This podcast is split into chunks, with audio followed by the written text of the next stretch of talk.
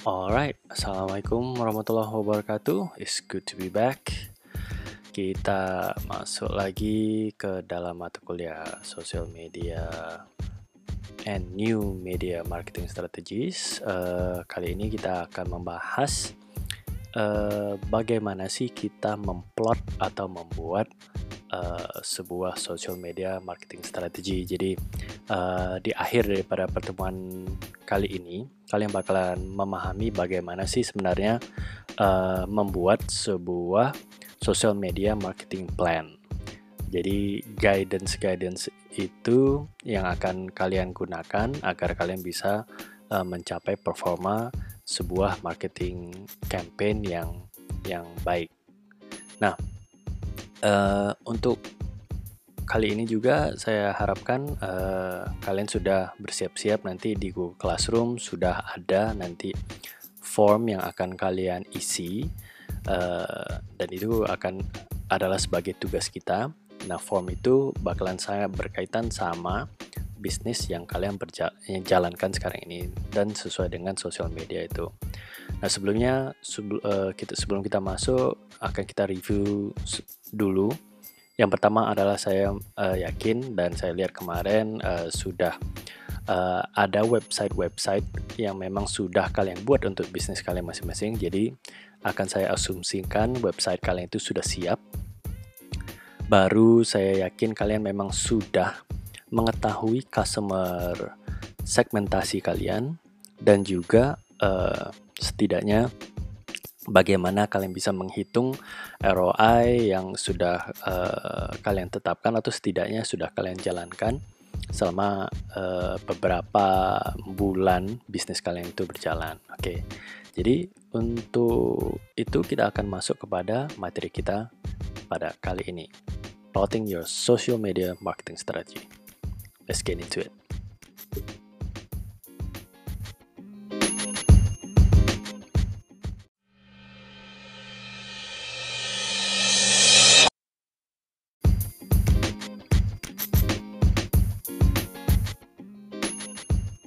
Alright, alright, alright. Jadi seperti biasanya kita pasti uh, mengetahui dulu sebenarnya learning objectives kita pada pertemuan kali ini udah pasti uh, untuk plotting your social media marketing strategy uh, yang pertama akan kita bahas adalah bagaimana sih kita menemukan audiens kita secara online. Oke, siapa sih sebenarnya target market yang memang kita tuju itu yang secara online-nya. Jadi bukan secara uh, real marketnya, tapi lebih kepada secara online-nya.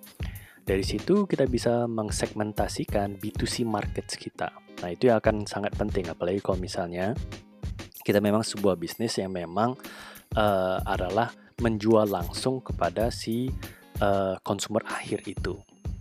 Baru conducting B2B research online. Nah, B2B ini menjadi sangat penting di saat kita ingin mengekspansi uh, brand kita sendiri atau perusahaan kita sendiri dan pada akhirnya kita bakalan mengetahui bagaimana caranya kita memplanning strategi kita itu sendiri.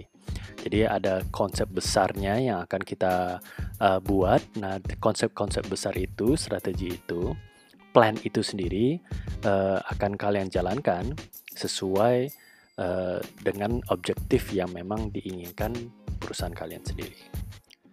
Flashback sedikit uh, pertemuan pertama kan kita mem, uh, membahas soal making a case, a business case uh, for social media marketing. Jadi sebenarnya kita uh, melakukan sebuah argumentasi kenapa sebenarnya kita membutuhkan social media marketing itu sendiri dan apakah memang perusahaan kita atau bisnis kita itu bakalan menggunakan social media marketing ini atau hanya sekedar menggunakan social media. Itu dua hal yang berbeda pada pertemuan kali ini uh, kita bukan membahas soal strategi, bukan bahas soal goalsnya sama objektif, tapi lebih kepada taktiknya.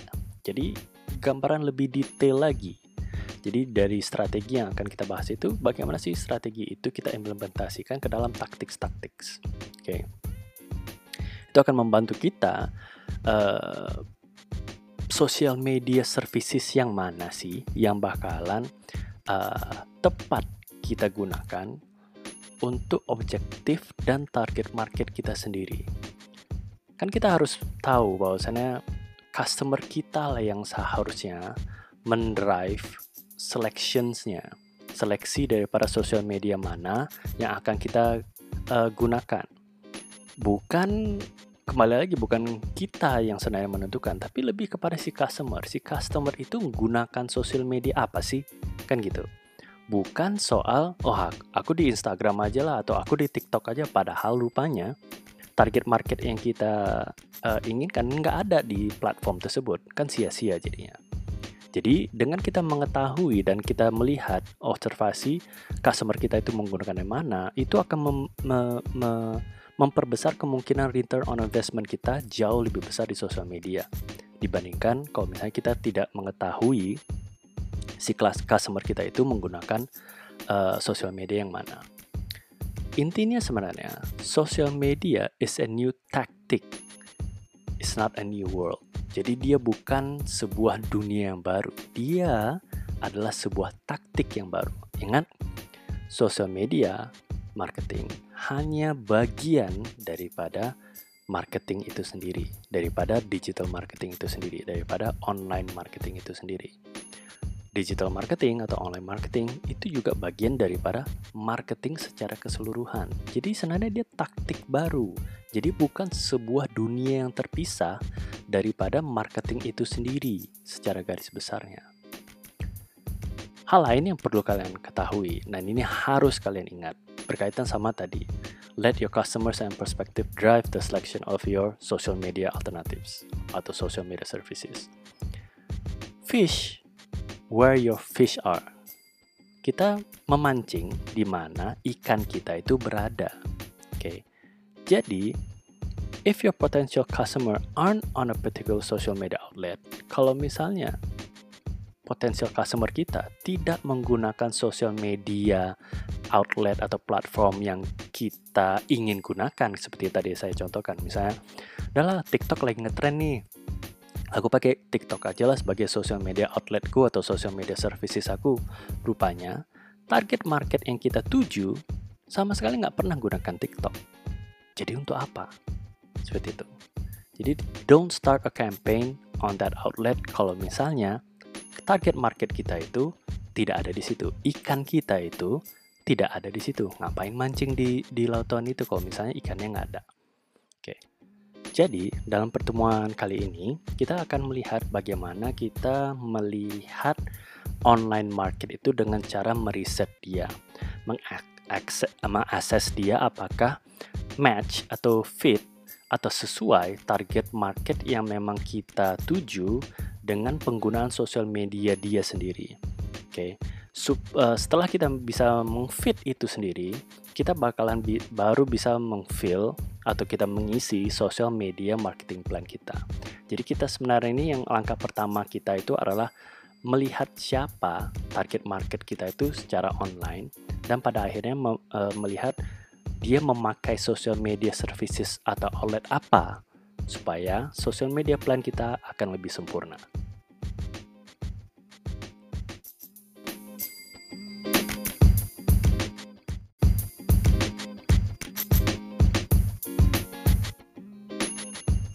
Oke, jadi bagian pertama yang bakalan kita bahas adalah bagaimana uh, kita locating your target market. Jadi bagaimana kita me mencari dan melokasikan target market kita itu secara online kan seperti itu. Jadi siapa sih sebenarnya target market kita yang ber ber bakalan berada di uh, online ini sendiri? Oke. Okay. Nothing is more important in the marketing than identifying and understanding your target audience or audiences. Okay. Jadi, gak ada nih yang jauh lebih penting di dalam marketing. Gak ada satupun. Ini yang paling penting adalah bagaimana kita mengidentifikasi dan memahami target audiens kita. Jadi bukan cara penyampaiannya, kita menggunakan media apa, atau dan sebagainya. Yang paling penting itu hanya dua itu. Mengidentifikasi dan memahami target audiens kita. Sama, sama halnya seperti kalau misalnya pembelajaran di entrepreneurship kita sendiri. Di BMC atau di VPC sendiri kita selalu tahu dari mana kita mulai. Selalu dari target customer segmen kita. Customer yang bakalan jadi yang utama selalu berawal dari situ. Sama halnya juga dengan marketing. Kita harus tahu dulu siapa target audiens kita. Terus kita harus memahami dia itu bagaimana, mereka itu bagaimana. Oke. Dari setelah kita bisa mendeskripsikan customer kita atau prospeknya secara mungkin demografik, karakteristiknya, uh, mereka tinggal di mana, uh, social media platform apa yang mereka uh, gunakan, uh, posisi dia sebagai apa, terus uh, positioning dia di dalam social media marketing kita itu bagaimana, sampai kepada seberapa besar kemungkinan dia untuk membeli goods or services yang kita tawarkan itu. Tuh, jadi percuma kalau misalnya sosial media marketing yang kita gunakan mau secanggih apa pun dia atau sekeren apa pun dia tapi tidak tepat sasaran. Kita nggak tahu karakteristik demografiknya. Kita nggak tahu seharusnya uh, customer kita ini dia itu tinggalnya itu di mana? Daerah perkotaan kah di tengah kota di pinggiran kota di suburbs di urban di desa dan sebagainya kalau kita nggak tahu hal itu bagaimana kita bisa memahami karakteristik dia, perilaku-perilaku dia, kebiasaan membeli dia. Tuh. Because social media techniques focus on inexpensive ways. Oke, jadi sebenarnya enaknya social media marketing ini, teknik-tekniknya itu bukan teknik-teknik marketing yang pada umumnya yang mungkin uh, mempunyai budget yang mahal atau biaya yang mahal, sorry, biaya yang mahal, cost yang besar social media techniques itu berfokus pada inexpensive-nya. Oke, tidak mahal. Biayanya itu tidak tinggi. Dan reach-nya itu kepada niche market. Oke, bukan mass market gitu. Jadi, yang perlu kita pahami social media techniques ini adalah cara marketing yang tidak mahal, tidak cost, costly, untuk mencapai niche market dengan pesan yang sangat spesifik. Tuh. Jadi pesannya itu tidak tidak umum gitu, sangat spesifik untuk si niche market itu sendiri. Jadi betul-betul sangat detail dan sangat customized. Jadi, don't dilute your marketing budget or labor by trying to reach too many audience at a time percuma kalau misalnya kita mengalokasikan terlalu banyak marketing budget kita atau tenaga kita hanya untuk mencapai uh, audiens yang luar biasa banyak untuk satu waktu, periode waktu yang tertentu eh, satu satu pula gitu percuma kalau kita mendatangi uh, misalnya sebuah marketing kita pergi untuk periode waktu satu minggu tujuh hari berarti tapi audiens yang kita datangin hanya tiga misalnya. Sangat tidak efisien. Gitu. Intinya, people still need to see your message or brand name at least seven times to remember. Ini harus kalian ingat. Orang-orang supaya ingat dia kepada pesan yang kita sampaikan atau branding yang kita sampaikan kepada dia. Oke. Okay supaya melekat nih ke benak mereka itu minimal tuh tujuh kali. Oke, kalau misal kita hanya datang sekali, mereka nggak akan ingat. Besok, misalnya datang lagi produk yang lain, services yang lain, bisnis yang lain, mereka akan lupa sama kita. Jadi harus kita pahami bahwasannya sering itu bakalan sangat bermanfaat, gitu. bukan hanya sekali-sekali. Makanya kita pilih dulu niche marketnya siapa Nah, setelah niche market itu bisa kita kuasai, dari profit daripada yang kita hasil daripada uh, marketing campaign kita itu itu bisa kita gunakan untuk niche market kita yang berikutnya. Jadi berpindah-pindah nih nanti niche market yang kita akan tuju. Karena udah pasti orang bakalan berbeda-beda gitu. Di tempat-tempat yang berbeda bakalan perlakuan yang berbeda. Makanya kita harus uh, bisa memahami mana dulu yang kita prioritaskan. Niche market mana dulu yang harus kita prioritaskan.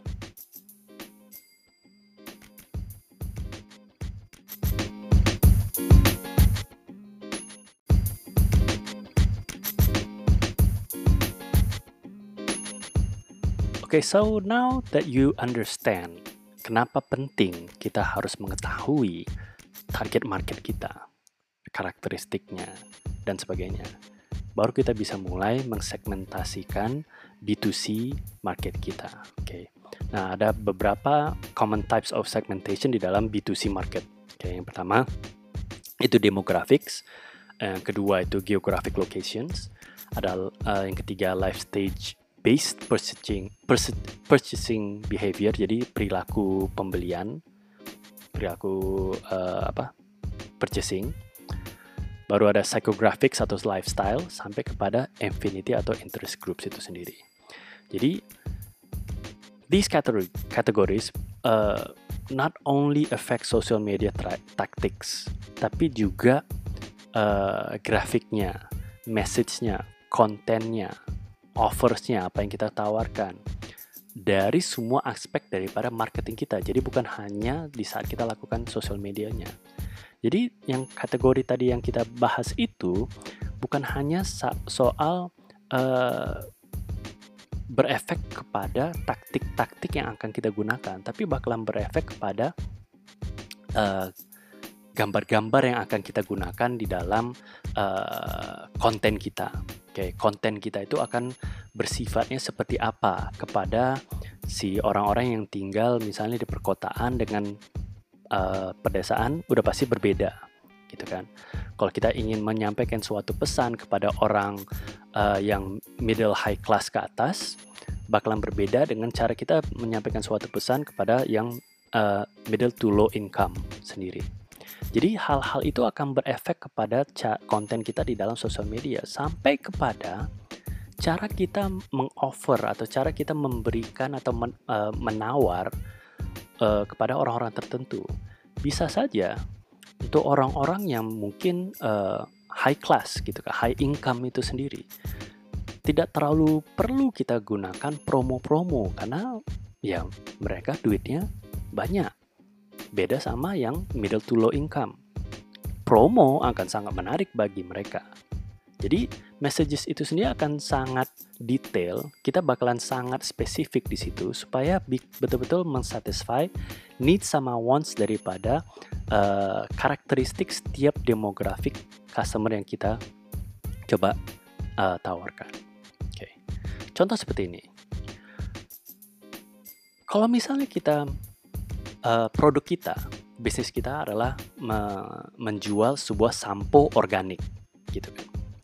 Bisa saja kita des deskripsikan uh, target market kita adalah setiap orang yang uh, ingin menggunakan sampo, misalnya seperti itu. Semua orang yang, yang menggunakan sampo, target marketnya seperti itu. Tapi untuk social media marketing ini sendiri, itu harus kita bagi lagi ke dalam subgroup-subgroup tertentu. Oke. Nggak semua orang yang menggunakan sampo akan ingin menggunakan sampo yang organik.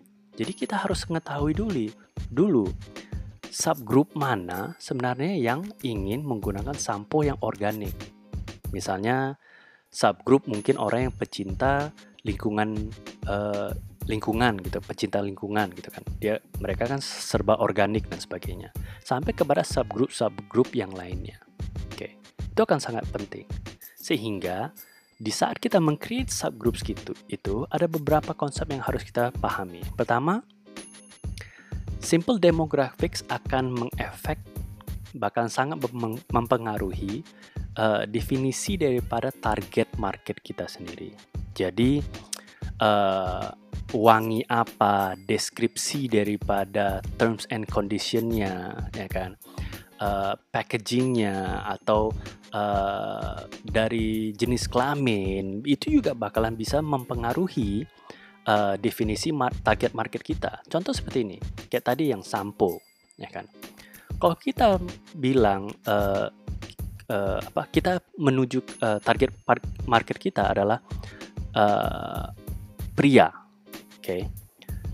Pria, uh, menurut kalian mereka lebih mau mendengarkan pesan sebuah iklan mengenai rambut uh, lurus uh, dan uh, cantik berkilau atau rambut sehat tanpa ketombe.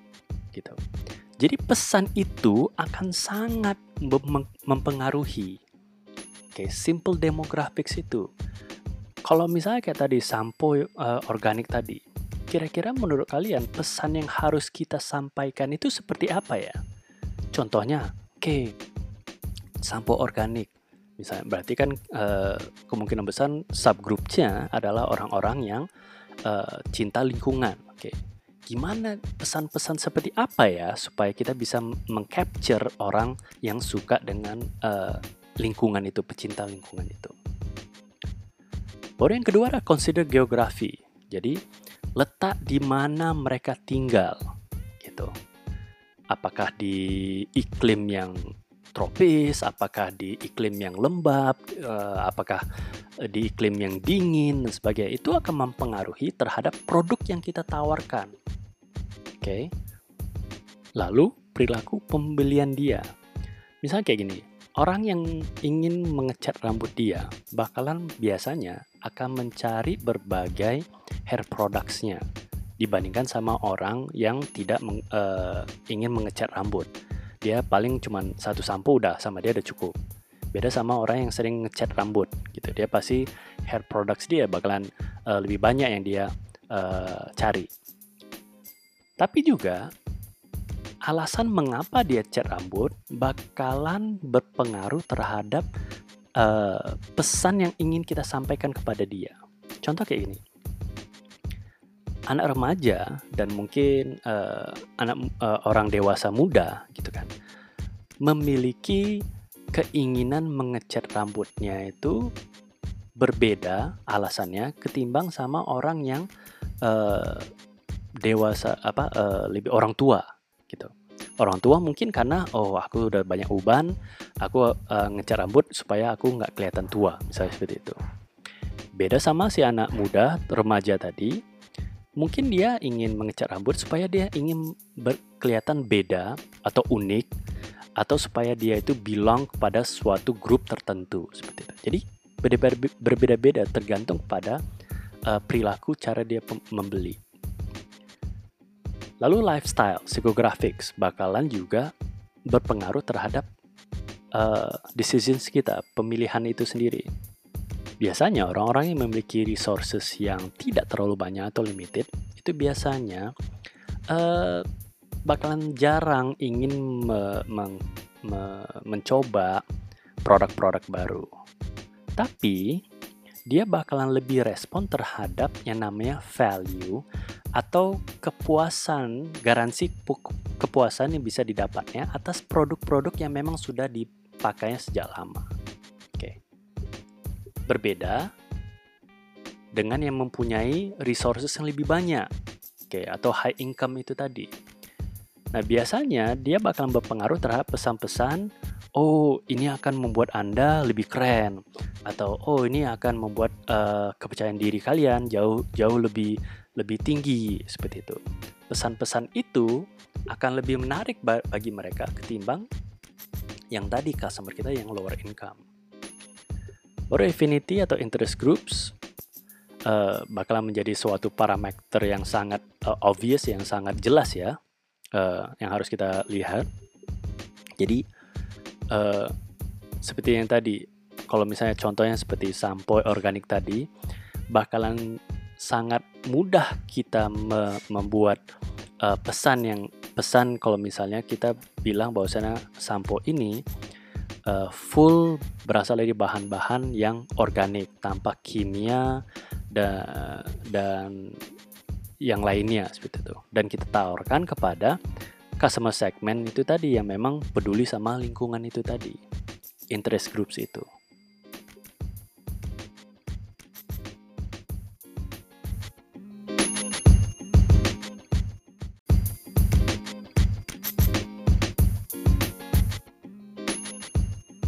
kembali lagi nih aku bilang the most successful marketing campaigns are driven by your target markets not by your techniques oke okay? jadi bukan teknik cara kita menyampaikan marketingnya tapi betul-betul paham nggak kita siapa target market kita oke okay. Masuk kita kepada kepada yang pertama soal demographics seperti yang kalian sudah pahami bersama, kalian sudah tahu lah demographics itu apa. Demographic segmentation, the most common type ya kan itu uh, kategori seperti uh, jenis kelamin ya kan, uh, usia, etnik, uh, status dia, berapa besar keluarga dia, berapa pendapatan dia, apa pekerjaan dia, social class dia sampai kepada edukasi dan sebagainya. Nah, di saat kita ingin memilih social media services mana yang akan kita gunakan, cobalah selalu mencari sebuah kesamaan umum antara target market kita dengan social media services yang kita coba uh, gunakan. Contoh seperti ini, kita tahu secara demografik uh, target market kita tinggal di perkotaan, uh, mungkin usia antara 17 sampai 19 tahun. Uh, kebiasaan dia adalah nongkrong, ya kan? Uh, temannya banyak, misalnya sosial kelasnya juga juga oke, okay, edukasinya juga oke, okay, misalnya. Uh, kalau kita lihat dari karakteristik itu sepintas, sosial media yang paling tepat untuk kita gunakan kan adalah Instagram di mana Instagram itu sangat dekat dengan anak muda, anak muda antara 17 sampai 19 yang memiliki karakteristik uh, narsismenya masih lebih tinggi gitu kan. Atau melihat sesuatu meng-share segala sesuatu jauh lebih tinggi. Oke. Okay. Instagram dengan cepat bisa kita lakukan hal-hal di atas itu. Jadi ada match di situ. Kita tahu, oke, okay, si target market kita perilakunya seperti ini, berarti uh, social media services atau platform yang sesuai dengan perilaku tersebut adalah social media ini, misalnya seperti itu. Oke, kita harus tahu. Lalu kita lanjut kepada yang kedua, geographic location. Oke, ini pasti juga kalian sudah tahu uh, bagaimana melihat uh, dari daerah, negara, uh, kota, uh, kode pos, sampai mungkin kepada RT RW mungkin. Oke, okay. itu adalah uh, location base-nya. Nah, uh, sosial media uh, yang tepat di situ adalah sosial media yang memang menggunakan uh, geographic location seperti Waze misalnya atau dulu namanya Foursquare juga ada.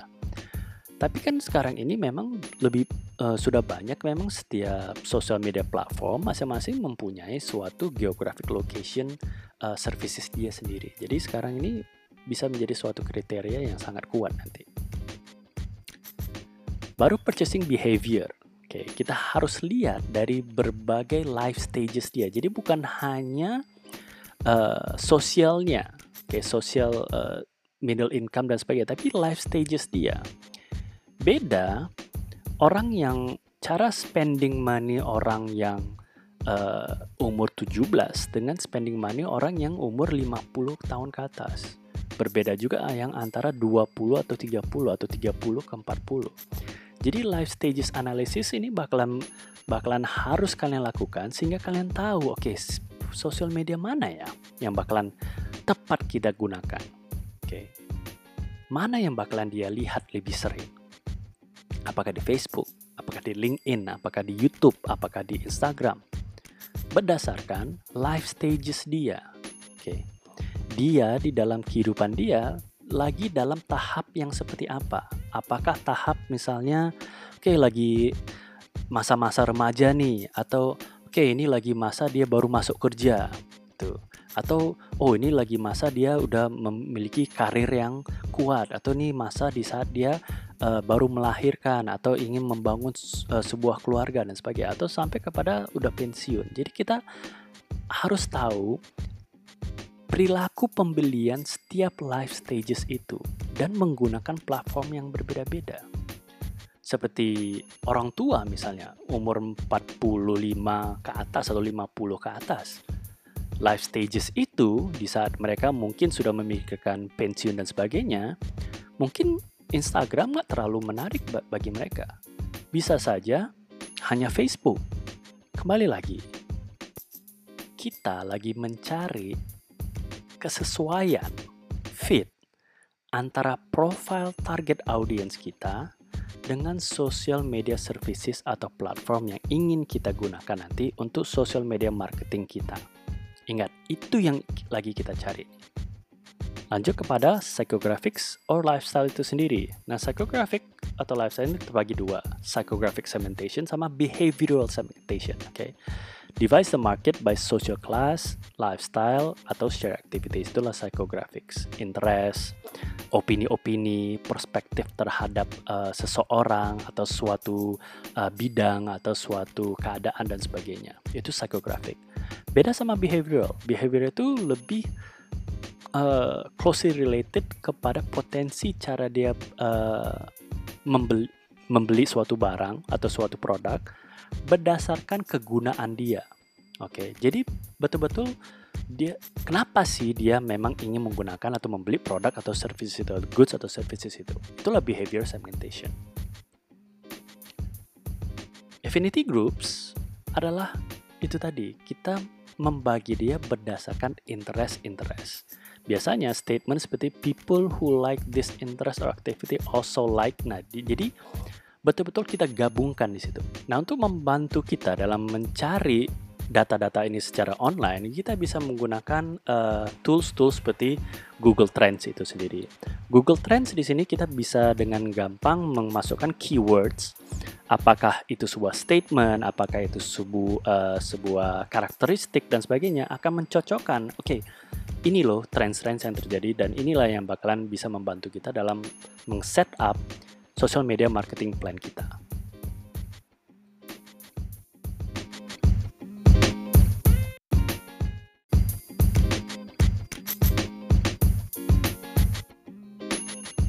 Nah berbeda ini kalau misalnya kita lagi meresearch B2B market sendiri, oke. Okay? Jadi market research uh, dan pilihan sosial media itu untuk uh, eh, B2B market itu agak berbeda dengan tadi yang B2C marketnya itu sendiri karena uh, sales cycle-nya berbeda. Oke, okay.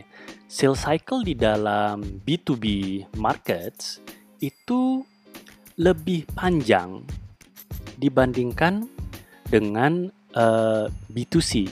Jadi dia memiliki uh, longer life cycle, sales life cycle itu sendiri. Dia juga memiliki uh, high ticket purchasing. Lalu juga uh, mempunyai banyak orang yang berperan di dalam mengclose sebuah penjualan atau sebuah sales.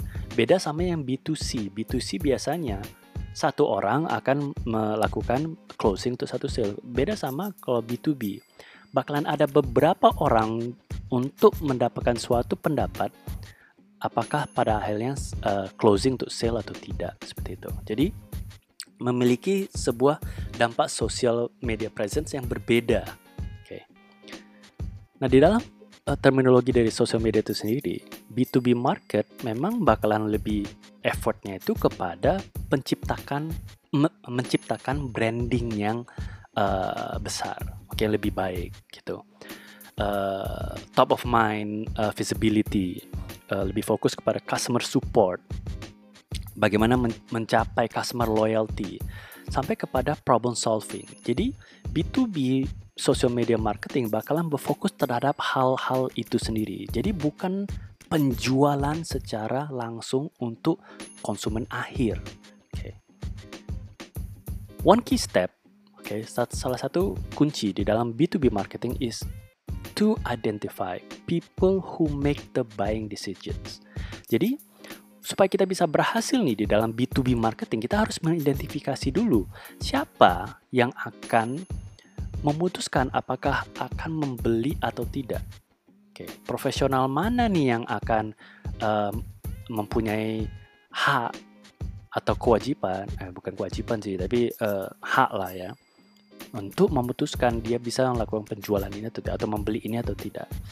Nah, makanya sosial media sosial media yang cocok untuk itu biasanya itu kayak LinkedIn atau networking yang bersifat untuk uh, profesional dan sebagainya yang memang mengutarakan sikap B2B market itu sendiri. Okay. Baru yang terakhir adalah mengidentifikasi influencers. Okay, tadi kita B2B market kita bicara soal mengidentifikasi siapa orang yang berhak atau bakalan mendapatkan decision yang akhir di dalam uh, suatu keputusan. Untuk mengidentifikasi influencers itu sendiri nggak peduli kita apakah B2B market atau B2C company yang bakalan kita fokuskan adalah uh, melihat orang-orang yang mempunyai influence yang besar terhadap uh, industri sektor yang kita jalankan. Jadi kalau misalnya kita lihat ya uh, balik lagi pada sampo tadi. Oke. Okay. Influencers yang baik adalah orang-orang memang yang memiliki rambut yang indah seperti itu. Jadi bukan kalau misalnya kita ingin uh, li, uh, mengidentifikasi influencers dari situ, bukan berarti kita mau mau mencari orang-orang yang nggak pernah cuci rambut itu udah salah. Jadi bakalan uh, sangat besar cara kita mengobservasi di sini. Bakalan sangat penting kegunaan cara kita mengobservasi di sini. Oke. Okay. Pada akhirnya kita harus memahami why people use social media services itu. Kenapa mereka menggunakan social media tersebut? Mengapa mereka menggunakan Instagram? Mengapa mereka menggunakan YouTube? Mengapa mereka menggunakan Facebook? Mengapa mereka menggunakan TikTok sekarang? Karena setiap social media services memiliki keunikannya masing-masing. Sehingga mempunyai kegunaannya masing-masing. Tentunya juga dari situ juga tantangan-tantangannya juga berbeda-beda. Makanya kita harus benar-benar mengetahui sosial media mana ya yang memang sudah cocok kepada target market yang memang sudah kita identifikasi tadi. Seperti itu. Kalau kita sudah siap di situ, oke, okay, maka kita akan siap untuk mengsetting up social media marketing plan kita. Oke, okay. sebelumnya, mari kita break dulu.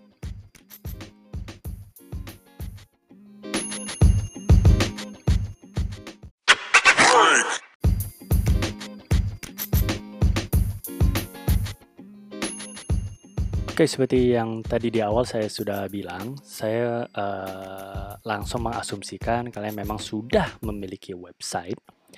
Uh, juga saya asumsikan kalian juga sudah meng-set up akun-akun sosial media yang akan kalian gunakan untuk social media marketing campaign kalian.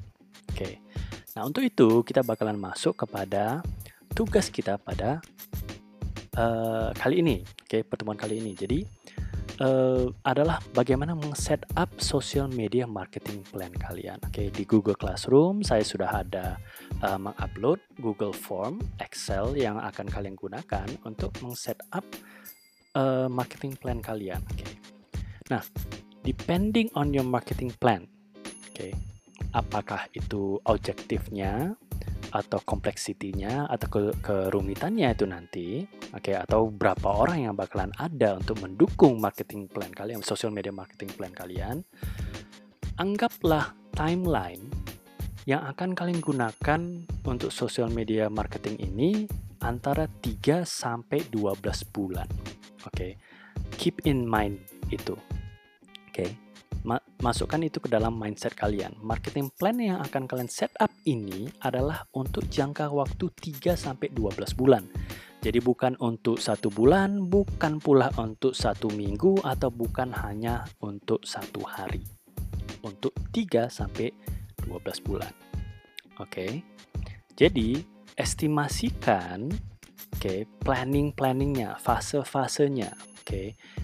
biasanya uh, dibagi ke beberapa uh, quarter quarter oke okay. bisa saja ada dua quarter untuk eksekusi oke okay. satu quarter untuk evaluasi satu quarter untuk memodifikasinya oke okay. jadi mengeksekusinya uh, mengevaluasi apakah executionnya marketing plan itu berjalan atau tidak lalu modifikasi terhadap perbaikan-perbaikan yang kita temukan di saat kita mengevaluasi sosial media marketing plan kita di tahap yang pertama.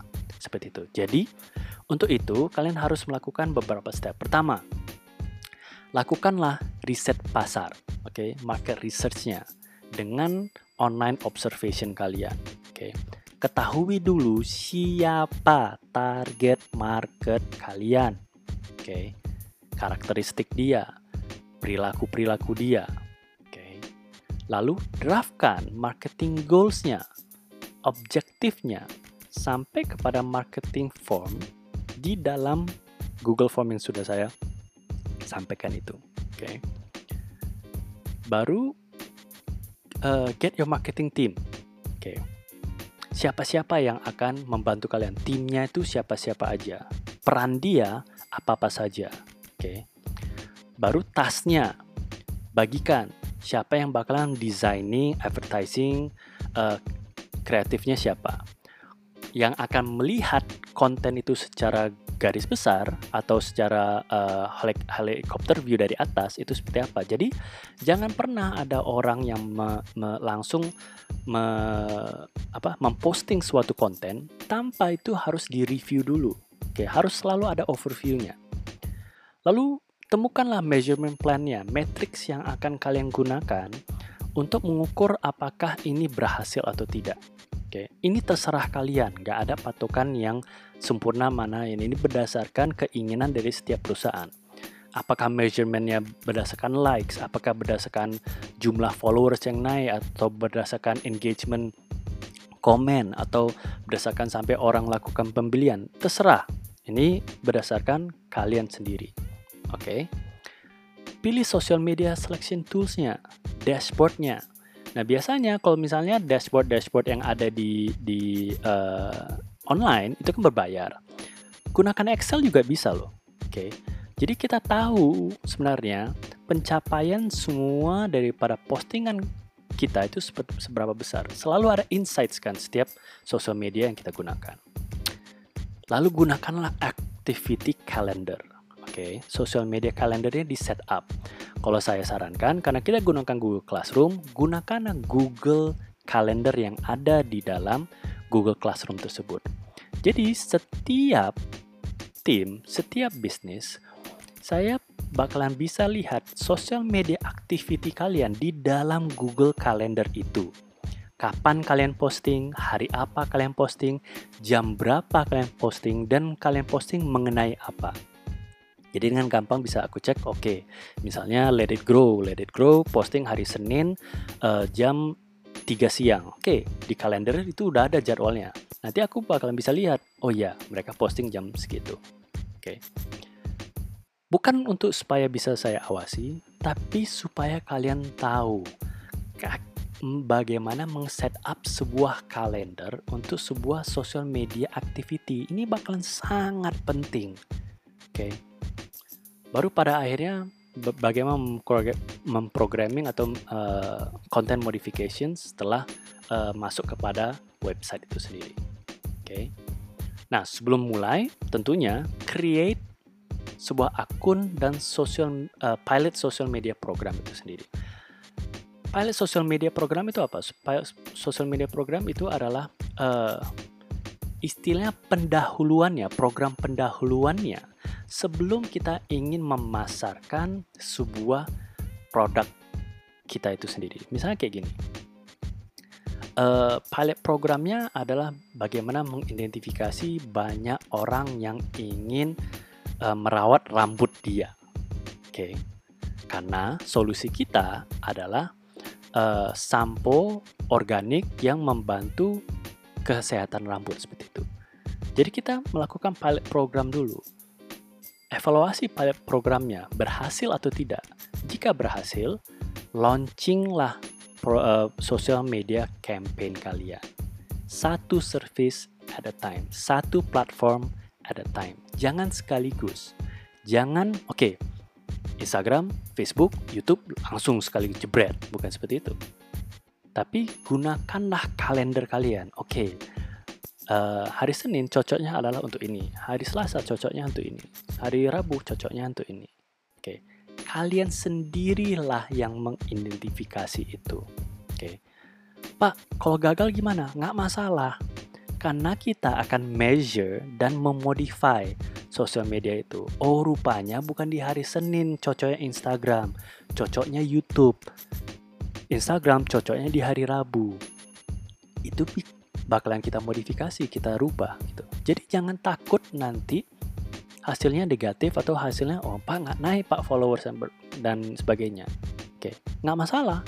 Kita temukan evaluasi kenapa apakah memang waktunya atau kontennya dan sebagainya. Oke. Nah, itu tugas kita untuk pertemuan kali ini. Oke, kalian kumpulkan di hari Rabu.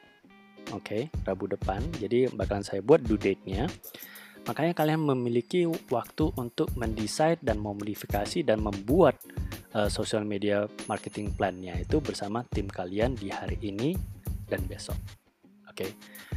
Jadi terima kasih That's all for today. Thank you. Assalamualaikum warahmatullahi wabarakatuh.